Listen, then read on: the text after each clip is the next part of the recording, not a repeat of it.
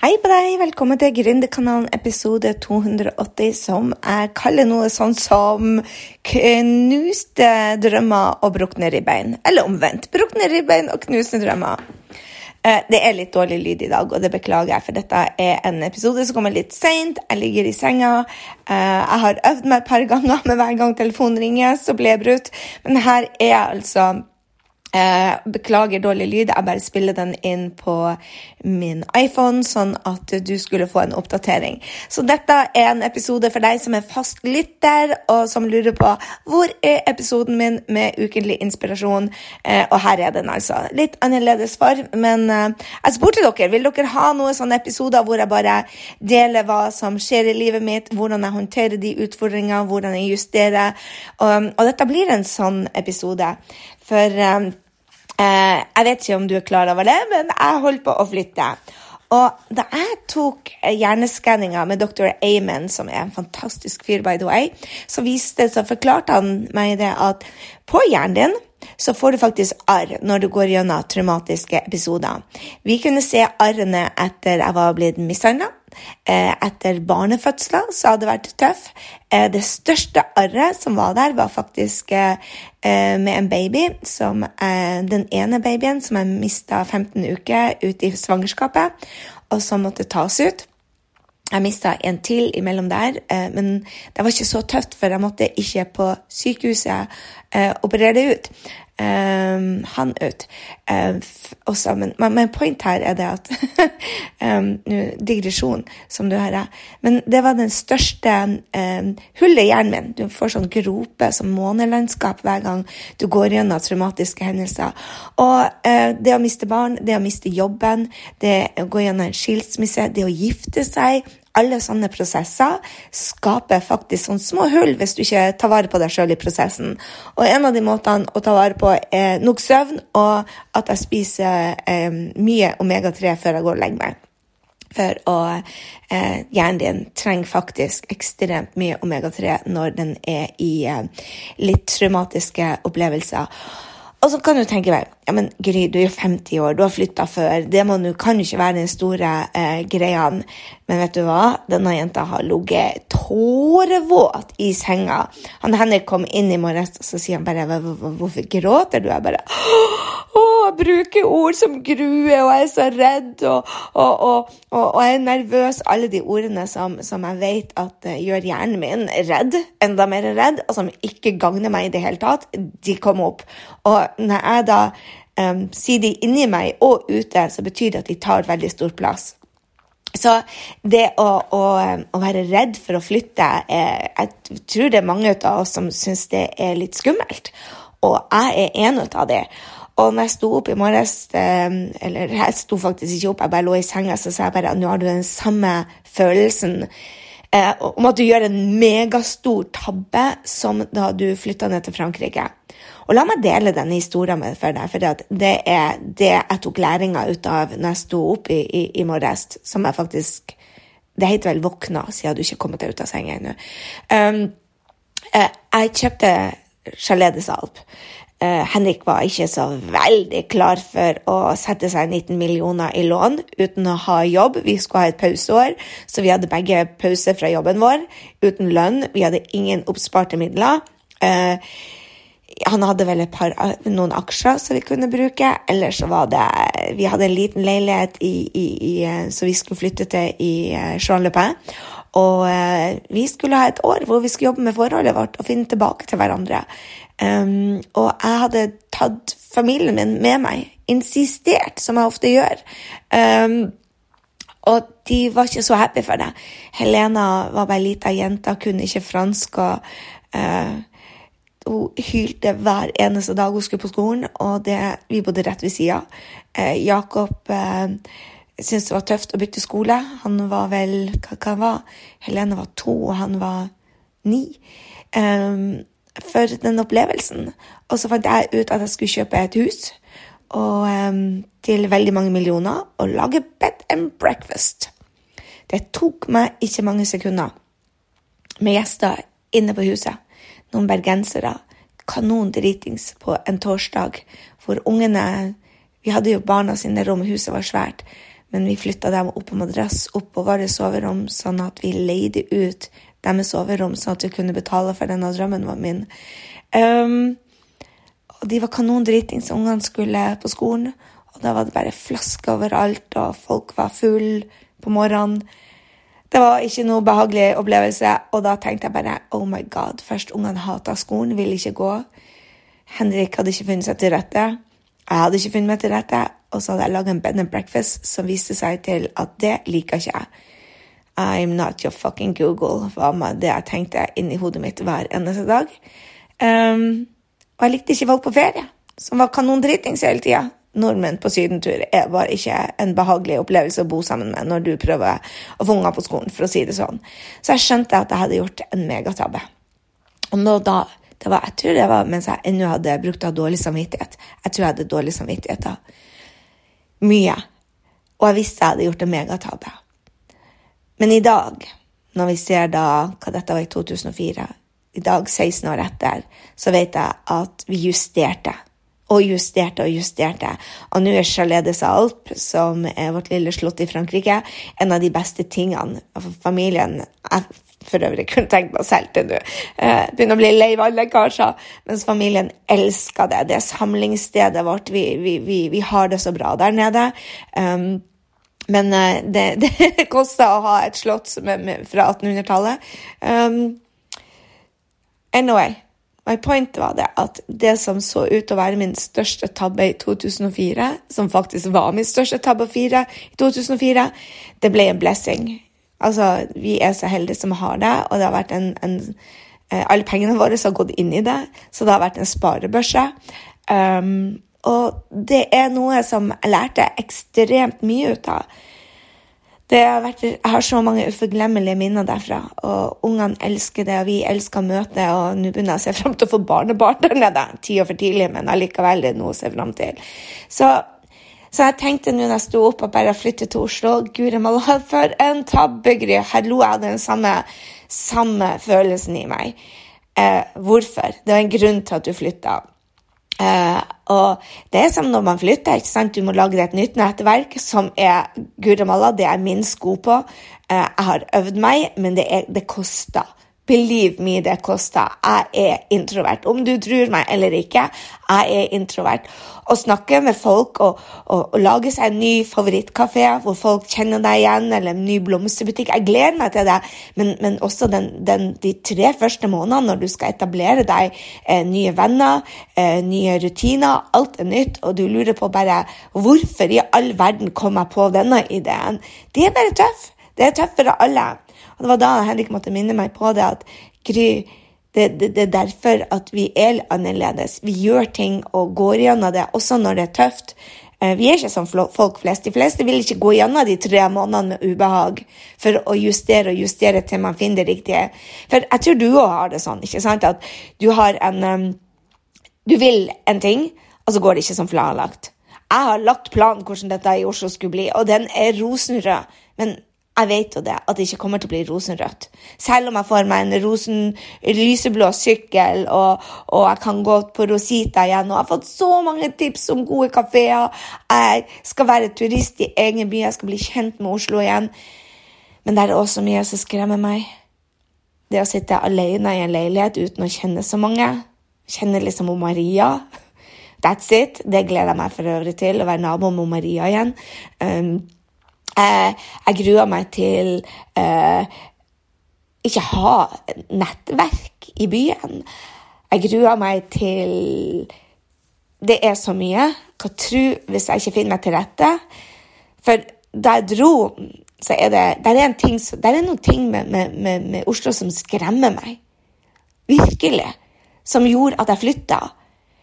For eksempel, jeg har bekjente som har planlagt alt de skal gjøre hver helg til jul. Det at folk syns fremdeles, 16 år etter, at det er populært å være travel Å nei da, det er ikke populært, det er bare sånn livet mitt er. Vi må planlegge hver hyttetur til, til, jul, eller så får vi ikke det inn. Jeg elsker med Frankrike og New York at folk bare ringer eller sender en tekstmelding. Jeg savner Laura sine meldinger. 'Hei, skal ut og gå. Møtes.' On the west side. Jeg bare Ja! Ses om ti minutter, liksom. Eller eh, våre franske venner som sier 'Hei, ser dere i Norge?' Er dere hjemme i helga? Kan vi komme? Så setter de seg på et fly fordi er billig med Norwegian, og, og så kom de ei uke. Helt out of the blue. Man planlegger ikke så mye. Jeg elsker den spontaniteten. Og så føler jeg jo det at Dette er kanskje stygt å si siden dette er til norske folk, men jeg føler at nordmenn er allerede veldig egoistisk. Jeg, jeg gjør det. Kanskje det er et Oslo-fenomen, jeg vet ikke. Men jeg føler liksom det at akkurat nå er det sånn der Alt blir så populært i Oslo. altså du har Oslo-uniformen, hvor alle går i like klær, man sier det samme. Og akkurat nå er det veldig populært dette med, med, med alenetid og å ta vare på seg selv og self-care. Og det er jeg for. Oh la la. Jeg er en ekspert på å sette grenser. Men av og til så syns jeg det at det er de egosentriske som allerede er overegosentriske. Som faktisk ikke tar vare på noen rundt seg. Som skal ta egen tid. Og ja, uff. Det, jeg føler vel at samfunnet kan bli veldig mye bedre på å gi kjærlighet og være der for andre. Jeg tror mange sier ja til ting som de egentlig mener nei til for at de skal føle seg litt bedre, men, men, men det er også noen som bare ikke har skjønt dette med å ta å, si nei handler ikke om å si ja først, og så nei. Det handler også om å ta vare på andre i samfunnet. Jeg føler det at med denne det, Jeg er enig i at egentid er ikke egoistisk. Vi skal ha egentid. Men kanskje noe av Netflix-tida eller hyttetida eller I don't know, sitte på kafé-tida kan gå til å være mer medmenneske òg. Altså, ja, man skal trite seg selv, men kan man slutte å være så jævla travelt og begynne å ta vare på hverandre også? Altså, av og til så blir jeg helt svett over hvor mye egosentrisk jeg føler folk er. Man sitter på sin egen lille tue. Det, det, det handler også om å, å, å, se andre mennesker og være der for andre. Um, jeg føler det innimellom at mange putter det at de skal ha egen tid, og det er ikke egoistisk. Og så kanskje du skulle tatt ut av noe annen tid enn det å ta vare på andre mennesker-tida. For at hvis egentida skal gå av det å se andre mennesker, være medmenneske og gi kjærlighet, så blir det bare feil. Så hvor henter man den egentida fra? Ja, man skal lære seg å si nei, men um, jeg tror kanskje vi kan få en være snill med hverandre-tid. Gi kjærlighet-tid. Se hverandre.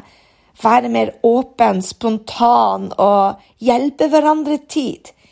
Uten at det må bli tatt ut av av, av, av egentida. For jeg er for egentid. Oh la la, det vet du om meg. Anyway, det er mye som, som skremmer meg for tida. Uh, og jeg, jeg, kjenner at ordet redsel og grue seg dukker opp i, i vokabularet inni hodet mitt. Jeg sier det jo ikke høyt, utenom til deg, da. Jeg sier det jo ikke høyt, men inni meg så gruer jeg meg til ting. Jeg er bare ikke en person som skal gå rundt og grue seg. Men hjernen min forteller meg det. Og noe av poenget her jeg har lyst til å dele med deg, at det, det kommer ikke lett for noen. Det gjør ikke det. Det kommer ikke lett for noen å gjøre endringer. Men det er det som er mot, det å ta action også når det er ukomfortabel. Og det er vel det ordet jeg må bytte ut i hodet mitt, at dette er jævla ukomfortabelt. Og det må man bare bli komfortabel med. Så det er det jeg øver meg på denne uka. Og så er det klart å bruke ribbein. Jeg sa knuste drømmer og brukne ribbein. Jeg knuste min egen Oslo-drøm før jeg flytta inn til byen. Kan du tenke deg det? Med all den gruinga. Så det er det jeg holder på å bygge opp igjen.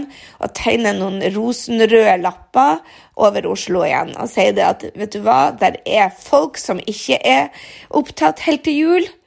Eh, der er folk som er full av kjærlighet. Der er folk som er spontane der er folk som vil bli kjent med nye mennesker. Der er folk som ja, du hører hva jeg sier, som liker å sitte på kafé uten en jævla plan. Så sendte jeg Emily in Paris holdt på le meg i hjel. Og der Emily sa noe som om at det er så kult med, med franskmenn, for de har ikke dårlig samvittighet til å sitte på kafé i mange timer og, og gjøre ingenting. For hun skulka jobben og gjorde ingenting. They actually have it down to an art form. Holdt på å le meg i hjel. Ja! Franskmenn er så gode til å bare gjøre ingenting. Og det er jeg blitt sabla god til òg. Og det skal jeg beholde. Også når jeg bor i Oslo. Det er om å gjøre å bli påvirka av de menneskene som har de kvalitetene um, som du ønsker å ha mer ut av. Så jeg må bare være bevisst. Så der hører du at det å flytte er også ganske traumatisk for denne jenta òg. Og så har jeg brukket ribbenene mine. Så det som faktisk gjør meg mest ukomfortabel denne uka Hørte du jeg bytta ut ordet mitt? Eh, det som gjør meg mest ukomfortabel denne uka, er at jeg må spørre så jækla mye om hjelp. Og jeg vet jeg må øve meg på dette, og jeg vet jeg fremdeles suger på det. Men har du òg det sånn? At det er lettere å hjelpe enn det å be om hjelp. Vel, Opera har sagt det til meg i over 20 år. Du blir aldri god på å hjelpe hvis du ikke kan be om hjelp sjæl. For da har du ikke den evnen til å sette deg inn i hvordan de andre har det, for det er tøft å be om hjelp. Og det satt i meg. Og hvis du ikke har sett den der episoden av Red Table på Facebook med eh, hva heter hun, Brené Brown, hvor hun deler at hun også har utfordringer med Den satt i meg. Guri malla, denne episoden er så bra. Tror jeg må se den igjen. Jeg ser den fire ganger allerede. Jeg kan linke den til grysynding.no, 280, så skal jeg linke til den episoden. Den er bare dronning. Anyway, jeg må be om mye om hjelp. Jeg klarte å brekke ribbeinet mitt i går. Kommer ut av karantene. Jeg og Henrik, vi er så Altså, dette må være i karantene. Jeg har vært i karantene nesten de siste ti årene. Så jeg oppdaga ikke at karantena var ferdig. Så vi fant ut i går at vi skulle gå på kafé og spise lunsj i Drøbak uh, og feire at karantena var over. Um, uh, vi glemte at karantena var over dagen før. Vi er mye alene, uh, og vi liker det. Vi liker også å være sosiale, da. Um, så hva det jeg skulle si? Jo, jeg skulle si det at vi satt på kafeen, og så satte jeg meg på Jeg skulle ta et bilde. Å, oh, ut av karantenebildet! Og så satte jeg meg på telefonen, og så rørte jeg på rumpa, og så datt den ned. Og refleksen min prøver å ta den med venstrehånda når den detter ned. Og så heiv jeg meg for mye over, så jeg fikk vekta mi på stolen, så jeg tippa nesten. Og i og med det jeg nesten tippa, så setter jeg den der armlenet i stål imellom tåribbeina mine.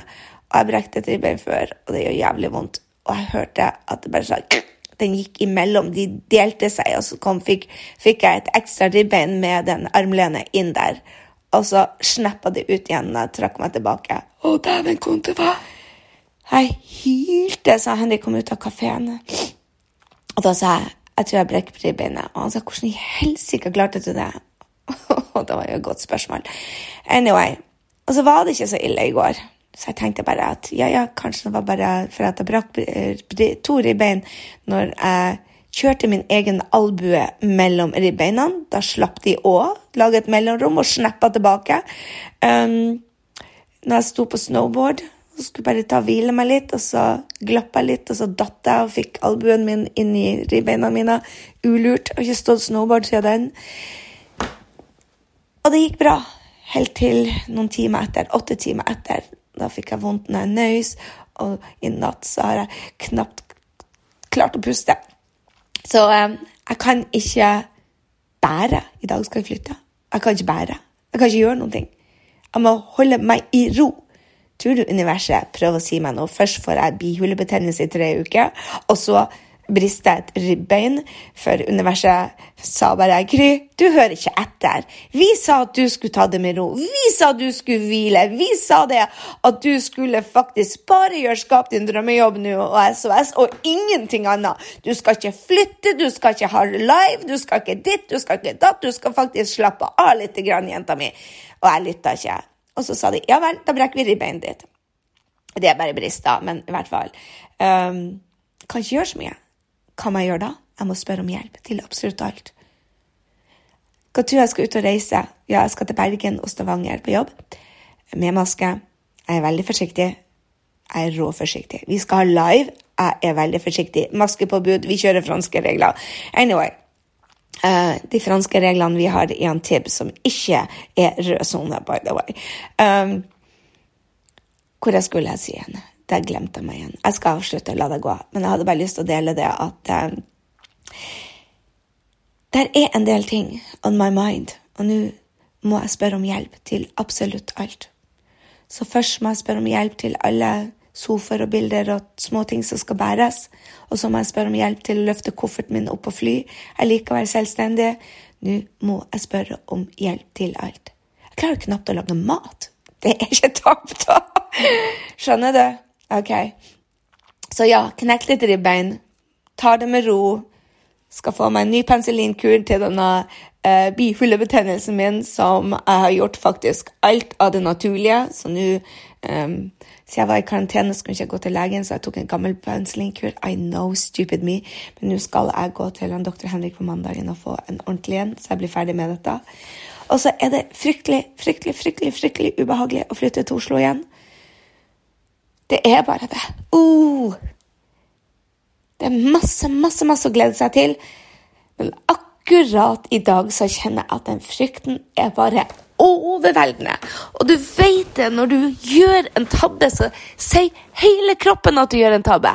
Hele kroppen skriker 'Kry, du er på feil spor'. Bare det at jeg brakk ribbeinet, sier det. Men du må bare justere. Og så har jeg laga en sånn liste hva det verste sa, jeg sa det til meg i morges. Lag en liste hva det verste som kan skje. Og vet du hva? Det verste som kan skje, er at jeg blir ensom i Oslo i tre til seks måneder. Finn ut at dette var ikke noe god idé. De på Kaffebrenneriet sier aldri hva jeg heter, de kjenner meg ikke igjen, og den lokale følelsen som jeg faktisk vil ha i livet mitt, den får jeg ikke, for at uh, Oslo er bare for hipp og kult, og folk er for jævla travelt. Det er my største fear. Og så tenkte jeg bare at, vet du hva, du selger bare. Det er det verste som kan skje. Du selger bare. I Oslo det går nesten ikke an å tape på eiendom. Det verste som kan skje, er at jeg flytter tilbake til Frankrike og til New York når de åpner igjen. That's it. Det er det verste som kan skje. At du flytter en gang for mye. Lite hull på jern. Det betyr at du bare glemmer litt ting. Uh, lite hull på jern. That's it. Arr, det heter ikke hull. Lite krater. Det er det han dr. Amon kaller det. At det skaper små krater. Og vet du hva? Hjernen er så bra at med litt omega-3, masse søvn, så healer den seg selv. Så det var det jeg hadde på hjertet i dag. At fy faro for ei ukomfortabel uke.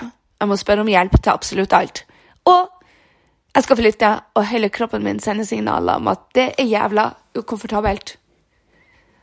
Og gjør det allikevel. Og så vet jeg det at kanskje Kanskje, kanskje, kanskje dette blir en like fantastisk opplevelse med tid og stunder som Charlotte Alpha.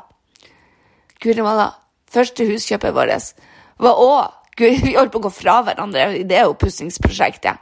Og en baby. Og familie. Nei, nei, nei. nei, nei. Oh. Og Gustavs gate. Det er grunn til den, den, den første leiligheten jeg og Henrik kjøpte sammen. Det var grunnen til at vi kunne bo i New York. Um, den gevinsten vi tok på den Kjøpte for én million og solgte for tolv. Så det var en smart move. OK, vi kjøpte vel for mer enn det enn jeg tenker meg om. Henrik sier jeg er ikke så god på penger. Jeg er god på å få penger inn, og jeg er god på å få penger ut, men bare husker ikke hvor mye som kom inn, og hvor som gikk ut. Så pappaen min sa til meg når jeg fikk siviløkonomtittelen, at jeg sa at han skulle kalle meg siviløkonom Johansen, som jeg heter da. Så sa han nops, Sivil Johansen kan jeg kalle deg, men ikke noe økonom blir du aldri. Det har han vel rett i. Jeg blir ikke noe økonom. OK, det var litt om meg. Hvis du er en av de som lytter til denne fast, og har lytta deg helt til slutten av rablet mitt med å gi ut en podkast på iPhonen sin bare for at hun sa at hun skulle gjøre det. Jeg liker å holde løftene mine. Og nei, jeg gråter ikke. Det bare renner. Det renner fra alle hullene. Hodet Vet du hva? Har du ikke hatt bihulebetennelse som sitter i en stund, så føles det som om at det kommer, det kommer væske ut fra alle ja, ørene og nesen, øynene og halsen. Og det er snørr ut ifra alle de, så det er ganske disgusting. Um, så jeg sitter ikke her og griner, bare potte fuck tett. Potte f-tett. OK, jeg skal la det gå. Det var en litt annerledes episode. En privat oppdatering til min beste venn. Ja, når jeg lager podkaster, så føles det som jeg snakker til Maria. Så dette var en lang enetale til Maria. Så Maria, eller hva du heter, Monica, Tina, I don't know. Hvis du er fastlytter, så send meg en melding, en DM. Hva er det du gjør i helga? Uh, og ikke for all del, ikke send meg trøstende ord. Du vet at Gry er det verste hun vet, er selvmedlidenhet og trøst. Uh, hvis du henger sammen med meg, så vet du det. Så uh, send meg heller litt sånn power, power. og hvis du trenger trøst, så er jeg her for deg. Jeg er veldig god på å trøste. Jeg bare liker ikke trøst sjøl. Jeg er ikke så god på å trøste. Jeg er god på alternative løsninger. Nå løy jeg til deg. Oh la la, jeg som sier jeg skal være ærlig. Jeg løy herved til deg. Jeg er ikke god på å trøste. Jeg er god på å gi deg tre alternativer, sånn at du kan komme deg videre.